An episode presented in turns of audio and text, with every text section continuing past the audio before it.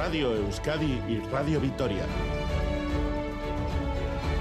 Servicios informativos.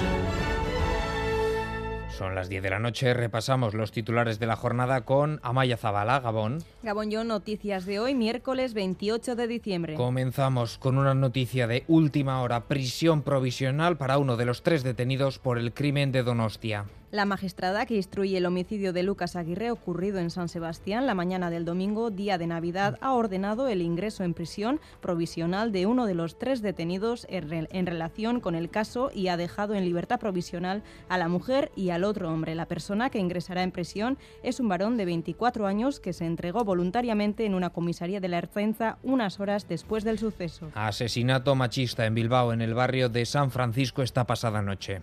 La Ertzaintza ha detenido al presunto autor de los hechos, que habría alertado él mismo a la Policía Municipal. La reacción de las instituciones ha sido clara y contundente, condena y rechazo enérgico a la violencia machista. Beatriz Artolazábal, consejera de Igualdad y Justicia, Juan María Borto, alcalde de Bilbao. Acabamos este año 2022 de la peor manera posible. Es la vulneración de los derechos humanos más fragrante, es una lacra social con la que tenemos que luchar permanentemente y todavía hoy en día la sociedad vasca tiene mucho que hacer para acabar con esta sin razón. Asesinato machista de una mujer hoy en Bilbao. Quiero trasladar la más enérgica repulsa, la más enérgica condena trasladar a la ciudadanía de Bilbao una convocatoria para que mañana a las 12 del mediodía podamos concentrarnos en las escalinatas del ayuntamiento para mostrar nuestro rechazo y precisamente en Madrid, el Comité de Crisis de Igualdad se ha reunido ante el aumento de asesinatos machistas. En este mes de diciembre han sido asesinadas por sus parejas o exparejas al menos ocho mujeres y están en investigación dos más, entre ellos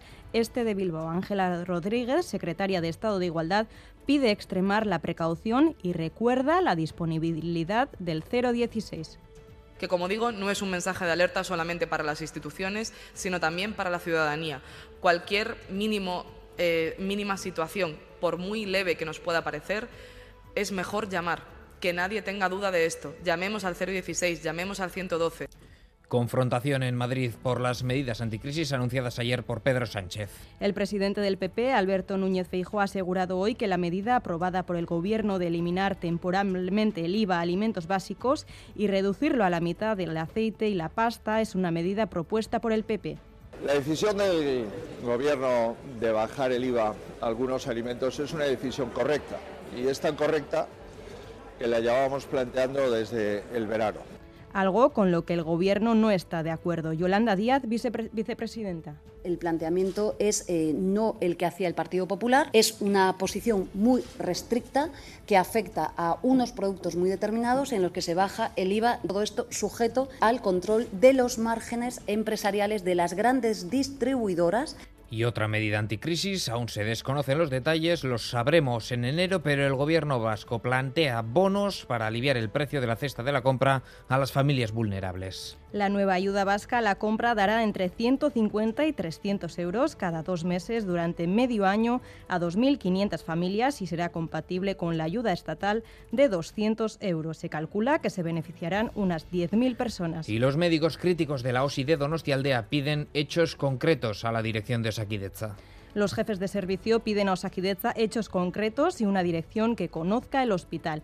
Además, han presentado un plan de cinco puntos indispensables y despejan cualquier problema con los compañeros de Cruces e insisten en que no desmentirán las palabras de Adolfo Begristain. Nosotros no tenemos ningún problema con nuestros compañeros de cruces y bueno, pues esto se ha llegado a plantear casi hasta una guerra de provincias, nada más lejos de la realidad. Los temas específicos, las referencialidades deben ser tratados por informes técnicos independientes. Entonces, ¿dónde tienen que estar las técnicas de referencialidad? Donde mejor se hagan. Esto no es una guerra entre Cruces y Donosti. Hay una reunión convocada para el día 18 de enero, si no recuerdo mal, de nuevo con la dirección de Osakideza, y lo que pedimos es, ya vimos la actitud, pero lo que pedimos son hechos concretos, ¿no? Es todo. Así terminamos más noticias en una hora y en todo momento en itv.eus y en la aplicación ITV Albisteac.